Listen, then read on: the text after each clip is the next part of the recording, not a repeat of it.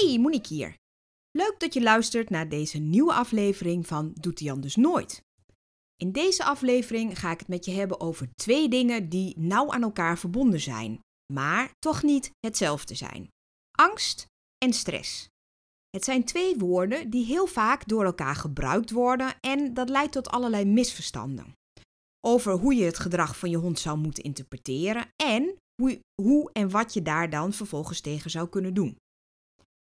In de vraag van de week beantwoord ik de vraag van Jopie over eventueel medische factoren die mee zouden kunnen spelen in probleemgedrag en hoe ze daarachter zou kunnen komen.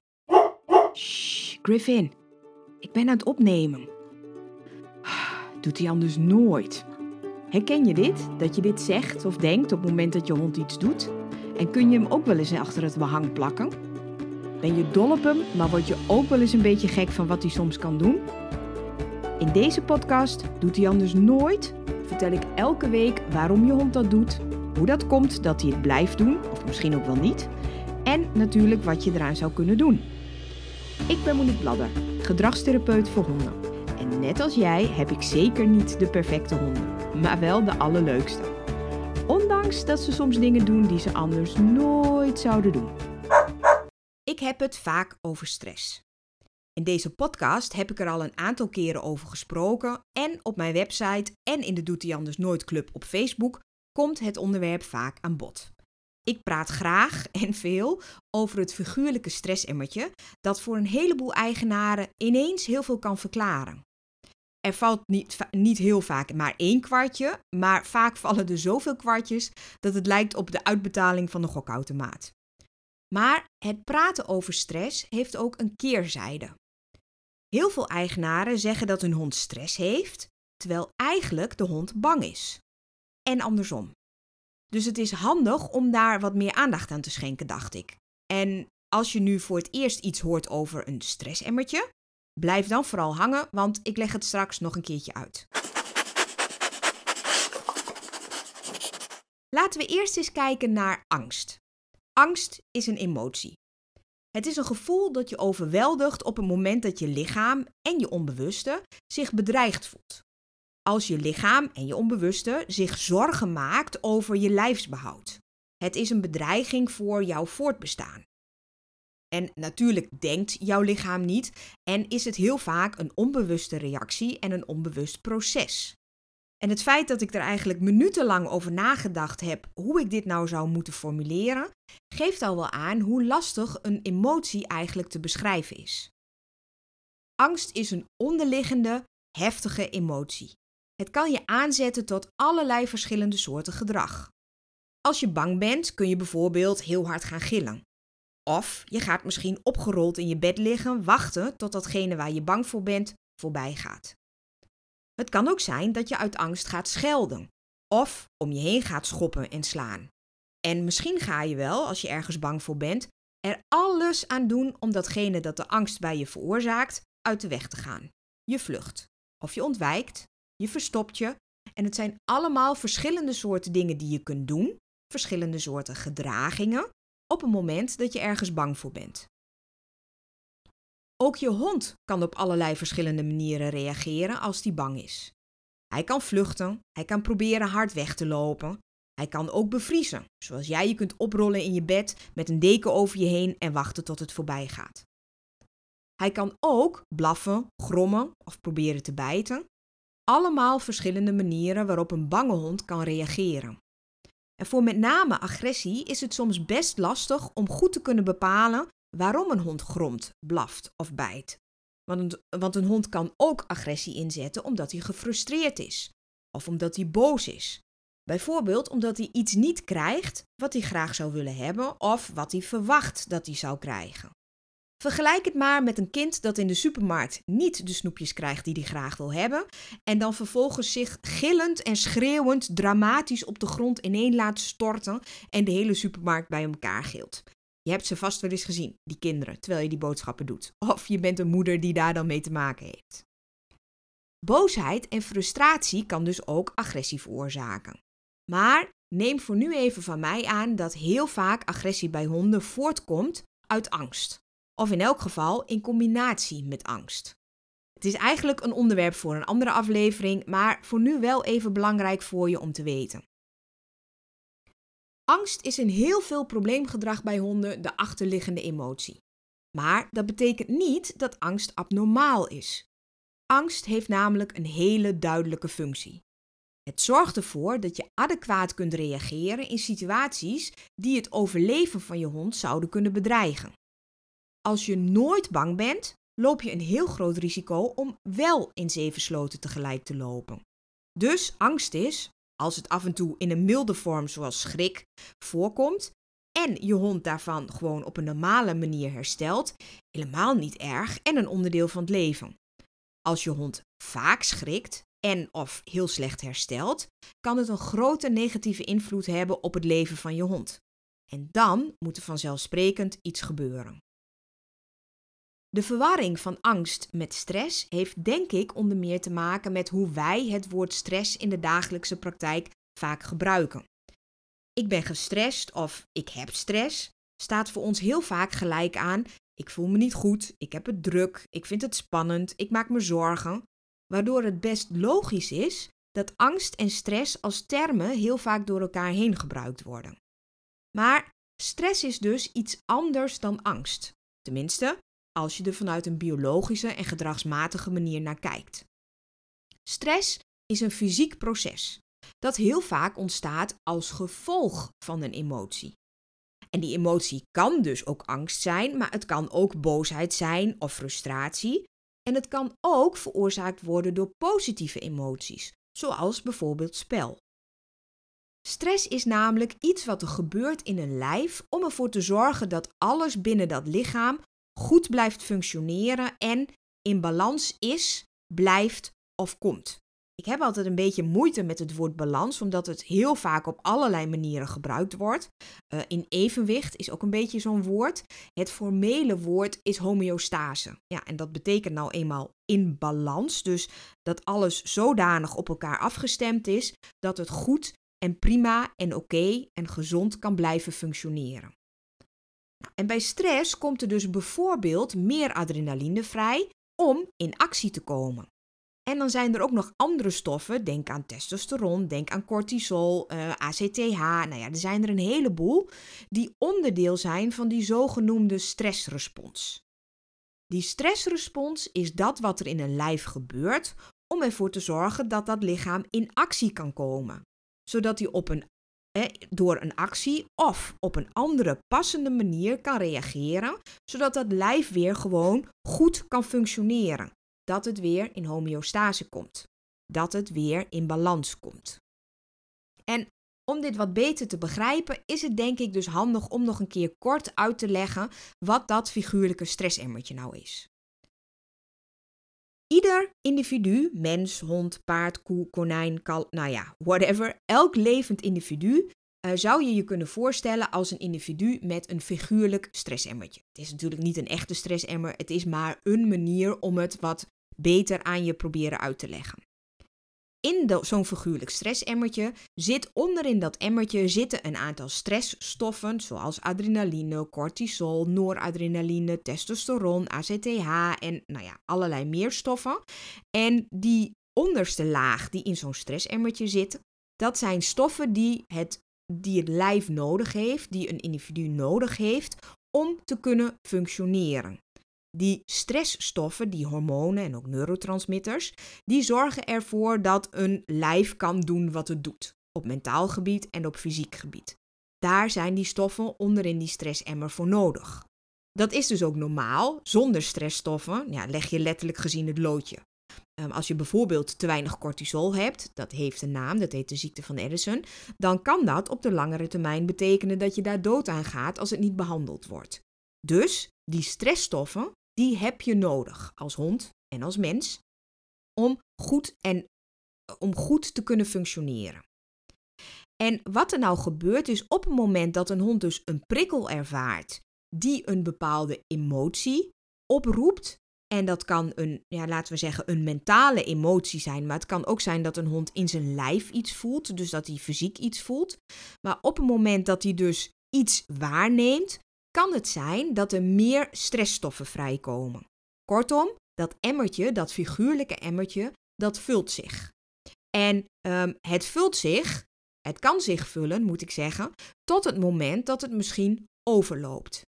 En op het moment dat zo'n emmertje overloopt, krijg je heftig, explosief gedrag. Gedrag dat nodig is voor een individu om weer terug te komen in balans en om datgene te doen wat nodig is om weer terug te komen in balans. En wat goed is om te weten, is dat dus tot het moment dat dat emmertje overloopt, dat het best wel kan zijn dat je niet zo heel erg veel ziet aan je hond. Um, en dat kan zijn omdat de signalen heel subtiel zijn of omdat je het zelf misschien nog niet heel erg goed herkent. Maar op het moment dat die emmer overloopt, herken je het meestal wel. Want dan kan het zijn dat een hond, en dat is een veel gebruikt voorbeeld, dat een hond op zo'n moment uitvalt. Maar het kan ook zijn dat hij bijvoorbeeld zich veel heftiger um, uit in zijn angsten. En daar ga ik straks nog wat meer over vertellen. Dus op het moment dat die figuurlijke stressemmer overloopt, zie je dat aan het gedrag van je hond. Voordat die emmer overloopt, kan het best wel zijn dat er dus al wel meer stress is, dat er meer stresshormonen zijn, maar dat er nog geen probleemgedrag is. Belangrijk is het dan dat je weet dat, ondanks dat het dan voor jou misschien nog geen probleem is, omdat die emmer nog niet is overgelopen, dat het best wel kan zijn dat er voor de hond al wel dingen zijn die minder leuk zijn. Die um, bijvoorbeeld die negatieve emoties die ervoor gezorgd hebben dat die emmer gevuld is. Het kan ook zijn dat er zoveel uh, stress vrijgekomen is door allerlei positieve emoties, vergelijk het maar met opwinding, um, dat daar ook al wel het een en ander aan de oppervlakte borrelt. Als ik bijvoorbeeld morgen weer naar Disneyland zou mogen, dan zou ik vandaag al helemaal hyper de pieper zijn, want oh, er gaat iets leuks gebeuren. Zo moet je de rol zien met een positieve emotie. Die figuurlijke stressemmer, die vult zich dus en als die dus overloopt, krijg je explosief gedrag. En wat dus belangrijk is, is dat je je realiseert dat die emmer zich niet vult als gevolg van prikkels. Een emmer vult zich als gevolg van de emotie die door die prikkel wordt opgewekt. Dat is iets heel anders. Een hard geluid vult niet de stressemmer. De stoffen die vrijkomen omdat je hond bang is als hij een geluid hoort, die vullen de emmer. Een balletje gooien vult niet de emmer. De stoffen die vrijkomen omdat je hond het heel erg leuk vindt als hij de bal ziet en er achteraan mag rennen, die vullen de emmer. En is dit verschil nou belangrijk? Nou, ik vind van wel. Je ziet namelijk dat heel veel eigenaren zich tegenwoordig vooral richten op stress en het legen van de stressemmer. En dat is top, want dat is hartstikke belangrijk. Maar als je je alleen maar op de stressemmer focust, ben je hoogstwaarschijnlijk vooral bezig met symptoombestrijding. En ik zal je een voorbeeld geven uit de praktijk. Corine was eh, de eigenaar, of is moet ik zeggen, de eigenaar van haar Mechelse herder Bayo, een reu van vier jaar oud. En Bayo was in de loop der tijd bang geworden voor onweer. En als het onweerde, dan um, hij zich helemaal uh, in te graven, zeg maar, en helemaal weg te kruipen in wat er dan ook voorhanden lag. En dat betekende soms dat hij zich bijna probeerde in te graven in de bank. En Corine dacht, ik moet iets doen aan die stress. En dat speelde zeker een rol. Um, en ze begon op dat vlak heel erg goed. Ze investeerde namelijk haar tijd en energie in allerlei maatregelen om die figuurlijke stressemmer te legen. Ze liet Bayo heel veel snuffelen tijdens de wandelingen. Ze liet hem zelf de route bepalen. Ze deed hersenwerk met hem. Ze zorgde dat hij voldoende slaap kreeg. En hij, ze bood Bayo ook vooral een vaste structuur met een vast dagschema. Ze deed dus alles volgens het boekje om de stressemmer te legen. Ze deed dus alles om die stress te reduceren. Maar als het ging onweren, bleef Bayo heel heftig trillen en zich heel vaak proberen ergens in te graven. En dat was dus ook niet zo heel erg gek. Want in alle goede bedoelingen vergat Corine het allerbelangrijkste. En dat was dat Bayo moest leren dat hij zich geen zorgen hoefde te maken over onweer. Dat onweer niet hoefde te leiden tot angst, maar dat onweer de voorspeller werd van iets prettigs, zoals bijvoorbeeld voer of bijvoorbeeld een balletje of een ander spelletje. En door aan de stressemmer te werken, had Bayo in het algemeen veel minder stress. Dus dat was hartstikke mooi. Maar als het ging omweren, was Bayo nog steeds zo bang dat die emmer als een gek overliep. Die emmer werd ineens heel erg gevuld door al die stresshormonen, opgewekt door een hele heftige negatieve emotie. En die angst, samen met wat er in zijn lijf gebeurde, zorgde ervoor dat Bayo ging trillen en dat hij zich probeerde ergens in te graven. Dat was dus vanwege een emotie als gevolg van het onweer en niet omdat er te veel stress was op allerlei andere momenten. En in de loop van de training merkte Corine wel dat Bayo's gedrag anders was als hij meer stress gehad had. Dus als er wat was veranderd in de structuur van de dag bijvoorbeeld, of als hij minder mentale uitdaging gehad had, dat hij dan heftiger reageerde op onweer. Dat was ook logisch, want die figuurlijke emmer was al wat meer gevuld en als er dan ineens een hele hoop bij kwam omdat er onweer was, liep die sneller en makkelijker over. Dus dit is een mooi voorbeeld van hoe belangrijk het is om ook iets met die stressemmer te doen. Want als die emmer heel erg gevuld is, zal die bij het minste of geringste overlopen. En is het dus ook lastig om je hond de dingen te leren die je wilt. En vanzelfsprekend is het voor het welzijn van je hond belangrijk dat hij meer ontspannen wordt, dat hij minder stress heeft. Door bijvoorbeeld te zorgen voor voldoende rust, juiste hoeveelheid beweging en mentale uitdaging. Ik heb daarover ook al wel een podcast opgenomen, dus als je denkt, oh ja, hoe kun je dan stress verminderen? Ga vooral eens naar die aflevering luisteren. Maar daarmee alleen ben je er niet. Angst en stress zijn twee verschillende dingen die natuurlijk wel erg met elkaar verbonden zijn. Angst leidt tot stress en als een hond veel stress heeft, is die ook makkelijker bang voor andere dingen. Maar trap dus niet in de valkuil dat je je alleen maar wilt focussen op stress en de stressemmer als je je hond wilt helpen.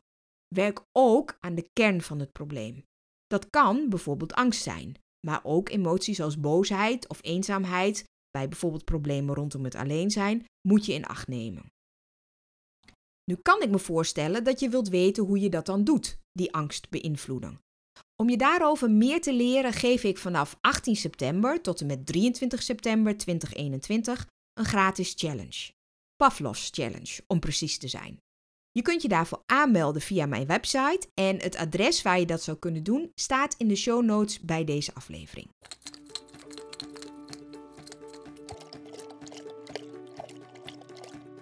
De Doet hij anders nooit? Vraag van de week. De vraag van de week komt van Jopie. Ze heeft me gemaild naar aanleiding van een eerdere aflevering waarin ik aangeef hoe belangrijk het is dat je bij eventueel probleemgedrag in je achterhoofd houdt dat er medisch ook iets zou kunnen spelen. Ze vraagt zich af wat ze door de dierenarts zou moeten laten onderzoeken en dat is een hele goede vraag. Laten we gelijk zeggen, ik ben natuurlijk geen dierenarts, maar ik kan je wel vertellen welke klachten ik vaker zie in relatie tot probleemgedrag. Als eerste is daar pijn aan het bewegingsstelsel. Een dierenarts zou hiervoor een bewegingsonderzoek kunnen doen en eventueel kunnen de foto's gemaakt worden. Overigens geven deze foto's alleen maar duidelijkheid over de botten, over het harde materiaal. En het is daarom eventueel ook een goed idee om een bezoek te brengen aan een fysiotherapeut of aan een osteopaat. Maag-darmproblemen en jeuk zijn vaak ook issues bij honden met probleemgedrag, dus het is goed om dat eventueel ook te bespreken met je dierenarts. Zelf kies ik ervoor om het bloed van mijn honden ook nog één keer per jaar te laten controleren. Simpelweg om een vinger aan de pols te houden en om ook vergelijkingsmateriaal te hebben voor momenten dat ik vermoed dat er wel iets aan de hand zou kunnen zijn. Dat kan nooit kwaad, naar mijn idee, Tenminste, als je hond oké is bij de dierenarts. Ik kan me goed voorstellen als je hond heel veel stress heeft bij de dierenarts, dat zo'n bloedonderzoek niet iets is wat je preventief doet uh, en op geregelde basis. Maar als je vermoedt dat er misschien iets zou kunnen spelen, is dat wel een van de dingen die je ook zou kunnen laten doen. Voor alles wat ik hierover zeg, is het wel belangrijk dat je je realiseert dat je zeker niet alles zomaar hoeft te laten doen. Het is een beetje gek om je hond helemaal door de molen te halen als er echt geen enkele andere aanwijzing is voor iets medisch. Maar daar gaat het nog wel eens mis, want vaak zijn er wel kleine aanwijzingen, maar zie je dat als eigenaar niet helemaal goed, En soms ziet een dierenarts die kleine aanwijzingen misschien ook niet eens. Kortom, het is lastig te zeggen wat je in het algemeen moet laten onderzoeken. Kijk vooral naar je hond, kijk naar het probleem, kijk naar het ras en ook eventueel daar veel voorkomende afwijkingen en bespreek het ook met name met je dierenarts. En wees daarin kritisch en geef aan wat je wilt. Met deze vraag heb je een gratis bellobox verdiend, Jopie. Hierin zitten 100% natuurlijke snacks en wij gaan ervoor zorgen dat die naar je toe komt. Wil jij als luisteraar ook een bellobox winnen? Stuur dan je vraag in via contact@moniquebladder.nl en als ik hem vervolgens beantwoord in de podcast, krijg jij ook een bellobox opgestuurd. Dus aarzel niet, klim in de mail. Heb je geen vraag voor me, dan kun je nog steeds profiteren van het feit dat Bellebox deze podcast ondersteunt. Met de kortingscode BLADDER, dus mijn achternaam en dan in hoofdletters, krijg je namelijk 10% korting op je bestelling. De code mag je delen en is herhaaldelijk te gebruiken. Dus ga vooral naar bellobox.nl en pak die korting. In deze aflevering heb ik het met je gehad over het verschil tussen angst en stress. Het ene wordt vaak als synoniem gebruikt voor het andere. En dat maakt dat soms dat er eigenlijk aan het verkeerde probleem gewerkt wordt. Aan het ei in plaats van de kip, zullen we maar zeggen. En soms is het niet duidelijk wat de kip en wat het ei is. Kortom, aan beide werken is super belangrijk. En als je een glimp wilt opvangen van hoe je dat dan doet, kun je meedoen aan de gratis Pavlos Challenge van 18 tot en met 23 september 2021. Bedankt dat je hebt geluisterd naar Doet hij anders nooit. Ik hoop dat ik jou en je hond wat verder heb geholpen. Wil je geen enkele Doet anders nooit missen? Abonneer je dan op mijn podcast en nog beter, laat een review achter. Zou ik super blij mee zijn. Wil je dat ik jouw vraag ook beantwoord in deze podcast? Mail dan naar contact@moniquebladder.nl. Tot volgende week.